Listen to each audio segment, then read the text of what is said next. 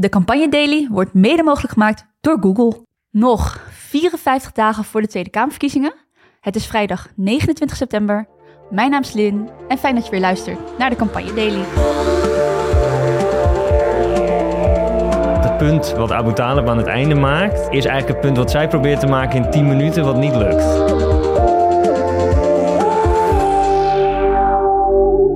En ook vandaag ben ik weer niet alleen, gelukkig. Uh, ik zit hier met Justin Korneef. Goedemiddag. Online stratege bij BKB. En onze gast voor vandaag is Itai Garmi. Uh, Goedemiddag. Goedemiddag. Raadslid voor Volt in de gemeente Amsterdam. Uh, en strategische adviseur bij de Nationale Politie. Dat niet alleen. Hij was campagneleider voor Volt tijdens de Tweede Kamerverkiezingen in 2021. Klopt. Welke les heb je meegegeven aan je opvolger? Oeh, goede vraag. Ik heb uh, laatst, uh, twee maanden geleden, um, na val van het kabinet, een uh, campagnetraining gegeven aan een nieuw campagneteam. Samen met mijn voormalig mede-campagneleider Anna Scholenberg. En de twee lessen, denk ik, die meeste die we hebben meegegeven was, zet concrete doelen voor jezelf neer. Zorg dat iedereen ook weet wat die doelen zijn. En formuleer een paar hele heldere boodschappen waar alle vrijwilligers ook mee op straat kunnen. En dat iedereen weet waar Volt voor staat deze verkiezingen. En een concrete doel is wat? Verdubbeling van de zetels? Ja, op het uh, afgelopen congres uh, werd er uitgesproken dat we mikken op, uh, op zes zetels. Oké, okay, zes zetels. Nou, ik denk dat jullie niet de enige partij zijn met ambitieuze doelen. Zeker. vandaag staat de aflevering in het teken van de New Kids on the Block, waarvan het oudste kind gisteren aanschoof bij op één. Caroline van der Plas zat tegenover Sven Kokkelmans om het te hebben over het doorrekenen van de plannen van de BBB. Maar mevrouw Van der Plas, kijk, u bent, u bent een partij uh, die groter is. Uh, u bent de winnaar van de statenverkiezingen. Uh, het kan best zijn dat u gaat meeregeren. we hebben aan dezezelfde tafel wel eens eerder een gesprek gehad hierover. U wordt anders bejegend nu. Mensen verwachten ook van u dat u op de centen past. En dat u niet alleen maar met luchtfietserij komt... maar dat u ook met plannen komt die u kunt verantwoorden. Ja, zeker. De fluwelen handschoentjes zijn afgetrokken. Ja, uh, ja Kokkelmans confronteert eh, Van der Plas duidelijk. Jus, wat viel jou op aan het fragment? Ja, uh, het is trouwens volgens mij Sven Kokkelman, toch? Oh, excuus. Maar mij zijn ze altijd twee. Ja, nee, daarom zijn ze doen, prima.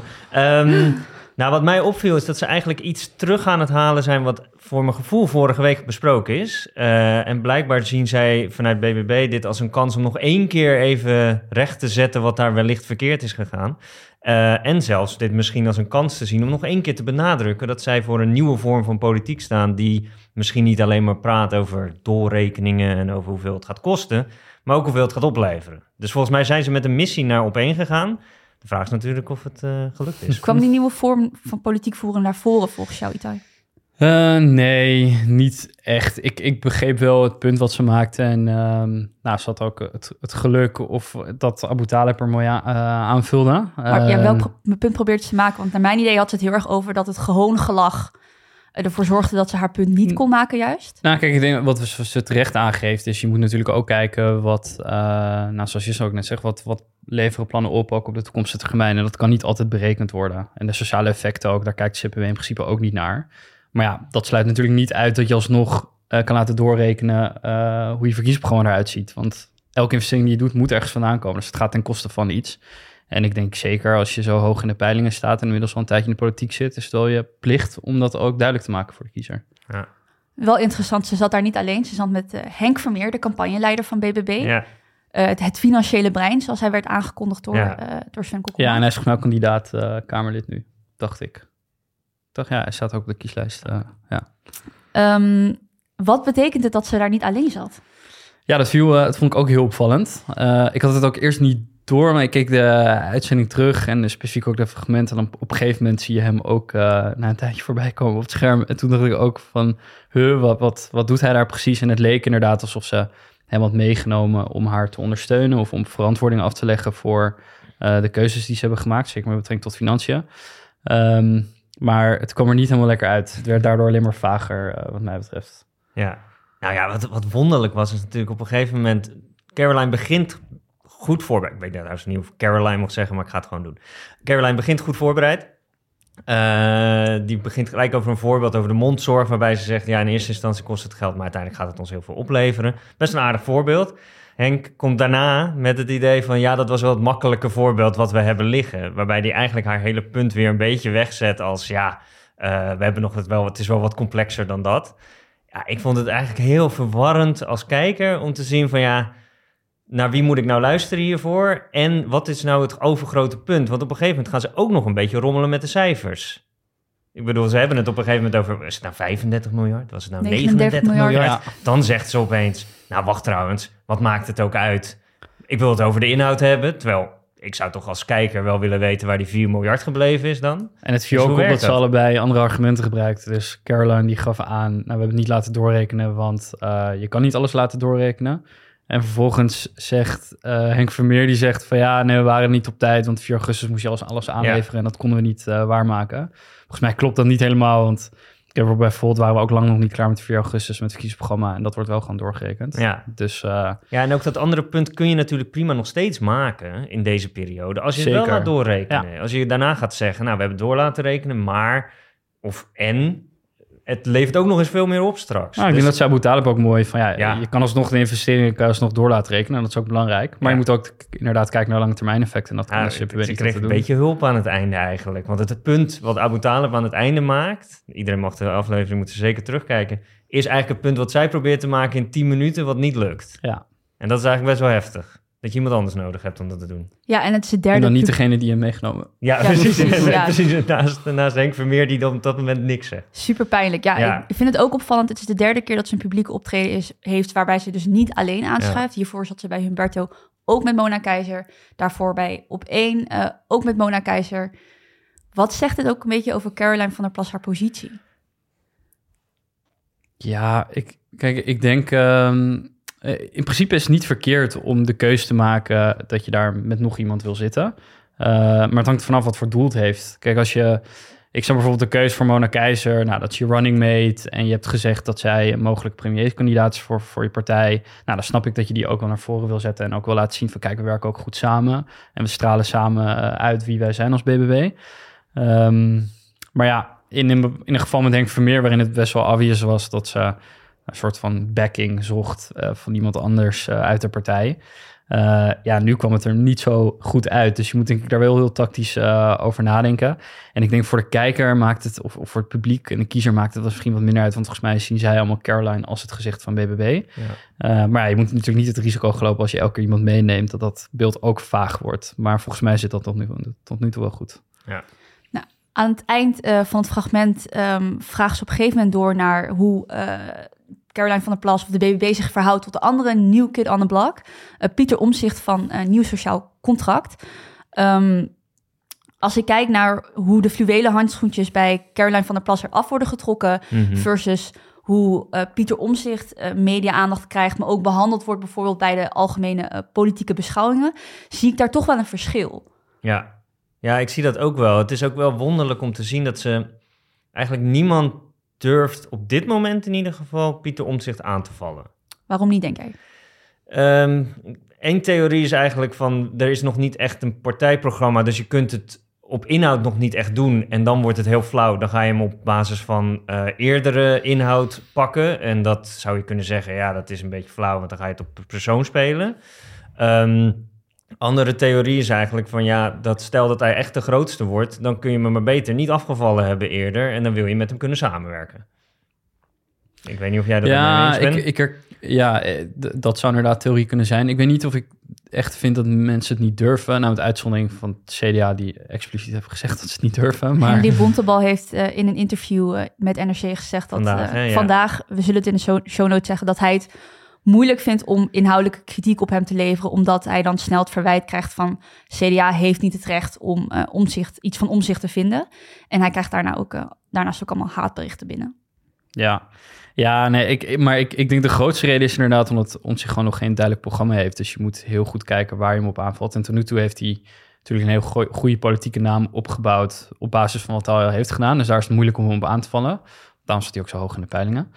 Eh, en tot voor kort had hij ook geen kandidatenlijst. Dus ik denk nu, nu de campagne wat, wat ja, meer begint te stromen, dat, het, eh, dat, dat we dat ook op een gegeven moment gaan zien. Ja. Je, je zag wel bij BBB dat de, de nu- nieuwe kandidatenlijst best wel onder een vergrootglas kwam te liggen. Met bijvoorbeeld politieke overlopers die uit werden gelicht. Het feit dat Mona Keizer werd binnengehaald. Eh, gisteren zag ik op X een draadje over Aant uh, Jelle Soepoer, de nummer 7, op de kandidatenlijst van uh, Nieuw Sociaal Contract, over dat hij ooit in 2019 de 22.000ste lid was van Forum voor Democratie. Ja. Ik zie daar verder in de media geen rugbaarheid over. Denk, jij denkt misschien een beetje hetzelfde idee, dat ze nog niet heel erg durven? Ja, dat denk ik. Maar ja. Of, of, of, zit ik nu echt heel erg met, uh, heel echt met een vergrootgas op uh, Pieter Omzicht uh, aan zijn, ja, aan zijn poten te zagen? Kijk, ik vind, ik, ik bedoel, hij is waarschijnlijk ook lid geweest van Forum in een iets andere periode. Um, niet dat ik Forum ooit een goede partij heb gevonden, maar goed, die, die fout kan je maken in je leven. alleen, ja, hij heeft zich volgens mij nu ook wel bewezen als wethouder. Uh, en we moeten hem gewoon uh, beoordelen op de inhoud en dingen die ja. hij uh, zegt en doet. Um, en nou ja, tot nu toe heb ik geen reden gezien om dan te zeggen... we moeten, dit kan echt niet zo iemand op je lijst. Ja. hij heeft zich ook gedistanceerd. Ja. Nou ja, precies. Okay, maar ik zat ook nog te denken... kijk, je, je kunt volgens mij prima op dit moment zeggen... ja, in die periode zat ik bij Forum, dat klopt. Ik hoef het ook niet te ontkennen dat het staat... maar toen hadden we deze punten, toen ging het nog daarover... En op dit moment natuurlijk, ik ben niet zoals uh, Thierry Baudet dat ik nu geloof in reptielen en nee. et cetera. Maar ik sta nog steeds wel achter een paar van die punten waar we mee begonnen. Namelijk, de politiek moet anders. En dat je daarom zegt, daarom sta ik bij uh, NSC op de, op, de, op de lijst. Wel met de kanttekening, het hangt er natuurlijk ook af wat je in het verleden, toen je lid werd van Forum, hebt gezegd. Ja. Of welke denkbeelden je had en wat je dan aantrok bij Forum. Maar uh, eens als het gaat om in de politiek moet anders, dan zou dat prima zijn zien we één, één rode draad die wellicht te overhevelen is naar een nieuw sociaal contract. Ja.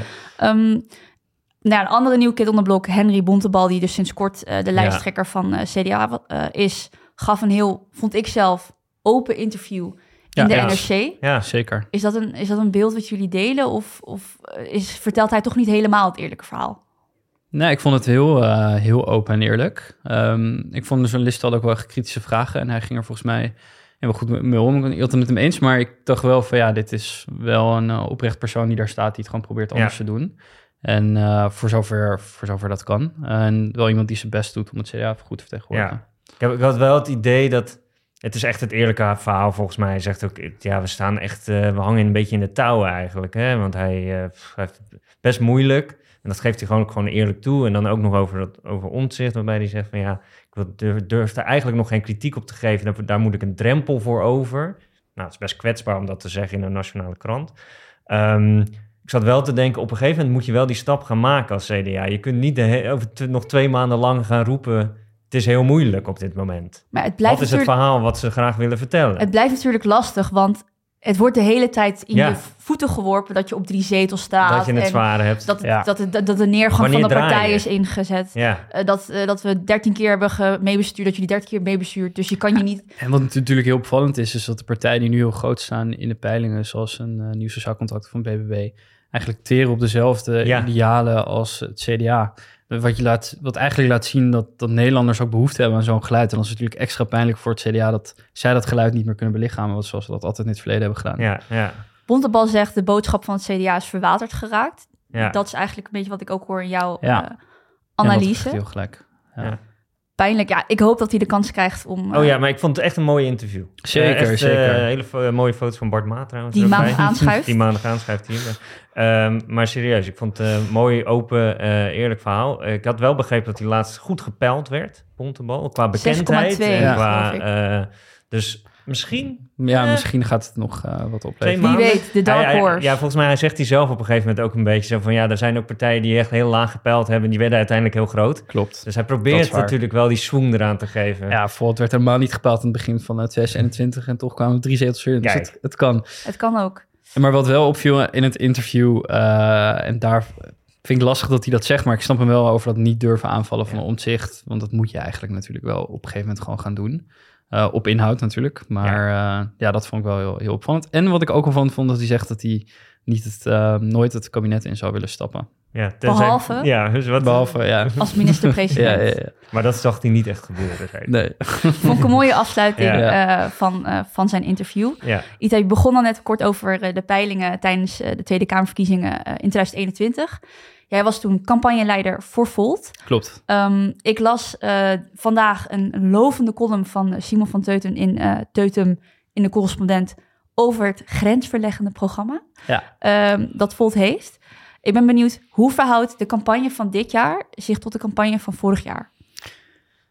Goeie vraag. Kijk, het is een heel andere campagne, omdat je natuurlijk eh, veel meer vrijwilligers hebt. Je hebt veel meer structuur binnen de organisatie. Bijvoorbeeld het verkiezingsprogramma moesten we vorige keer uh, in 2021, 2020 werd die geschreven, met heel veel vrijwilligers doen. En nu heb je nou, een heel fractiebureau en een partijbureau waarvan je gebruik kan maken van mensen die er hard aan werken. En ik zag, ik, we hadden afgelopen zaterdag hadden we het Volt-congres, uh, waarin het verkiezingsprogramma hebben ingestemd en ook de kandidaat voor de Tweede Kamer. Nou, ik kan me herinneren toen in 2020, toen we het congres hadden voor, voor het verkiezingsprogramma en de kandidaten. Uh, nou, los dat het corona was, dus er waren amper mensen. En toen moest ik samen met mijn mede-campagneleider Anna, moesten we voor zo'n groot scherm um, het campagneplan presenteren. En uh, nou was er volgens mij zo'n greenscreen achter ons, of zo, in ieder geval iets paars uh, uiteindelijk werd het. Tuurlijk. En nou, dan sta je er zo'n beetje ongemakkelijk in de camera te kijken. Ik heb geen idee hoeveel mensen er keken. En volgens mij, ik weet niet precies meer, maar het was relatief heel weinig. En nou, nu heb je een congres met echt honderden mensen, waar heel veel um, nou, input werd gegeven, ook door leden en veel meer enthousiasme. En uh, dat is wel echt een heel groot schil, veel grotere ruimte ook. We zaten toen in Utrecht, huurden we ergens een, een kantoortje um, in zo'n groot pand waar allemaal archie kantoren zaten mm -hmm. van bedrijven en nu hadden we echt zo'n groot congresruimte, dus dat is wel echt een, uh, een groot verschil. En ja, en je hebt natuurlijk nu ook veel meer uh, campagnebudget, omdat je dat van tevoren al hebt. En ik weet nog, toen ik begon als campagneleider, tussen in, in 2021 hadden we echt bijna niks. Ja. Veel dus minder zat je dan heel erg op werving van donaties? Ja, ja, en je had ook uh, 1600 leden, dacht ik. En nu heeft Volt er 14.000. Wow. Dus dat is wel echt een heel Hele groot ja, verschil. ja. Dus ja, je, we, we kunnen nu ook eigenlijk beter campagne voeren, omdat er gewoon veel meer structuur binnen de organisatie zit. Interessant. Jullie eh, positioneerden je, naar mijn idee, in 2021 natuurlijk echt heel erg als een pan-Europese partij. Ja. Um, als je kijkt naar wat, uh, wat er in de column werd uitgelicht, werd er een universeel basisinkomen genoemd, een Europees netwerk voor hoge snelheidstreinen en een verbod op korte afstandsvluchten. Hoe positione uh, positioneren jullie je nu? Nou, ik denk dat de Europese partij is nog steeds heel relevant. Uh, we hadden bijvoorbeeld afgelopen congres ook iemand uit Volt Oekraïne die kwam praten, iemand uit Volt Spanje. En je gaat ook zien met de campagneacties dat we um, nou, Volt-leden uh, uit andere Europese landen ook hier ons komen helpen om campagne te voeren. En dat doen wij ook in, in, uh, in andere landen als er verkiezingen zijn. Mhm. Um, dus dat Europees is nog steeds heel belangrijk. Nou, het kwam ook denk ik goed naar voren in het verkiezingsprogramma. Je had Laurens ook bij op één die dan het had over de Verenigde Staten van Europa. Nou, dat soort dingen is voor ons nog steeds heel belangrijk. Ja, en ik denk nog steeds wil Volt uitstralen van wij willen politiek op een nieuwe, andere manier uh, voeren. Wij durven wel keuzes te maken. We hebben die vergezicht, we hebben de visie over hoe de samenleving eruit moet komen te zien. Niet alleen voor Nederland, maar voor Europa. Um, maar je nou, doet dat, nu voor de tweede keer mee. Je zit al twee jaar in de Kamer. In hoeverre Ja. is het nog nieuw? Um, nou, kijk, goed punt. Ik denk in, in een bepaalde mate vinden mensen ons natuurlijk niet nieuw. Lounge is inmiddels, uh, herkennen me, mensen Lounge wat meer. En uh, nou, ik weet nog... De lijsttrekker. uh. Ja, en ik weet nog toen ik uh, moest beginnen bij Volt... dat niemand in mijn omgeving ooit van Volt had gehoord. Ik weet Ah, nog volgens ja. mij, dat is ook de, hetzelfde jaar dat ik de BKB-academie deed. Nou, niemand had daar ook ooit van Volt gehoord. Moest, kon, kon ik daar een beetje over vertellen, ja, precies. En nou, nu is dat wel echt anders. Ja. Um, dus ja, maar ik denk nog steeds dat mensen het gevoel hebben als ze bij Volt komen van dit is echt een beweging waar ik bij wil horen. Dit is Ja. tof, dit is vet. Maar jullie hebben wel Uh, een roerige tijd gehad, toch ook wel? Zeker, zeker, ja. Dus hoe Ja. kijk je, hoe, tre- hoe trek je dat door naar niet die roerige tijd, maar hoe, hoe zorg je ervoor dat die in die campagnetijd dat weer een beetje tot rust komt? Nou, ik denk we zijn inmiddels ook wel wat meer tot rust gekomen. Ik denk dat het goed is dat, dat uh, Laurens uh, weer de lijsttrekker is en ook fractievoorzitter is gebleven. Dat zorgt toch voor een bepaalde mate van stabiliteit voor de organisatie. En dat is wel echt nodig. En je ziet ook, um, nou, onze kieslijst nu, er staan Laurens en Marieke staan er ook weer op. Mhm. Uh, die nu ook wat het afgelopen jaar Kamerlid zijn geweest voor Volt.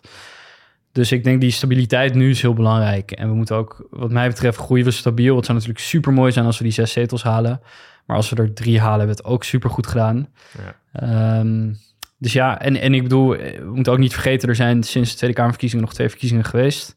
In de gemeenteraadsverkiezingen is bijvoorbeeld in tien gemeentes verkozen. Ook in de staten waar we mee hebben gedaan, zijn we ook verkozen.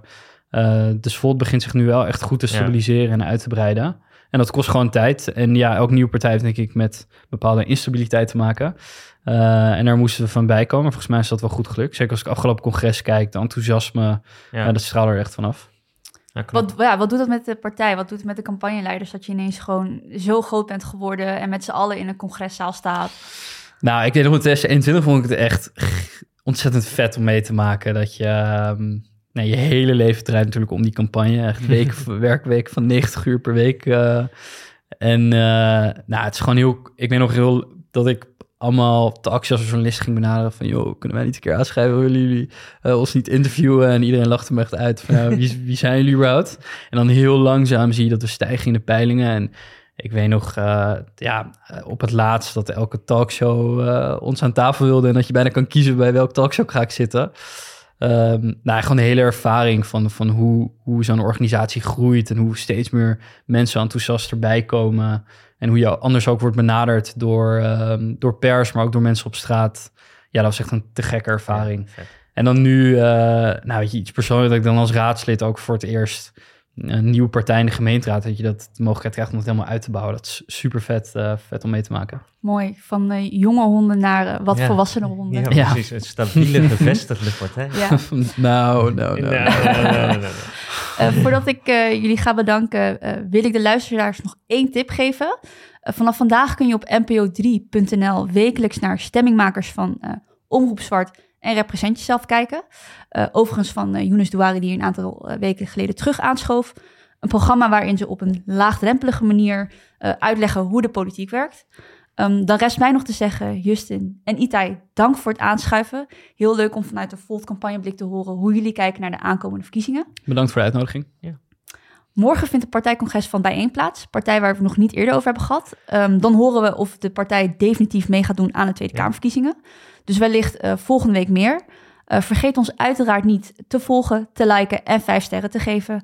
Uh, fijn weekend alvast iedereen en tot volgende week. Dankjewel. Fijn weekend, dankjewel.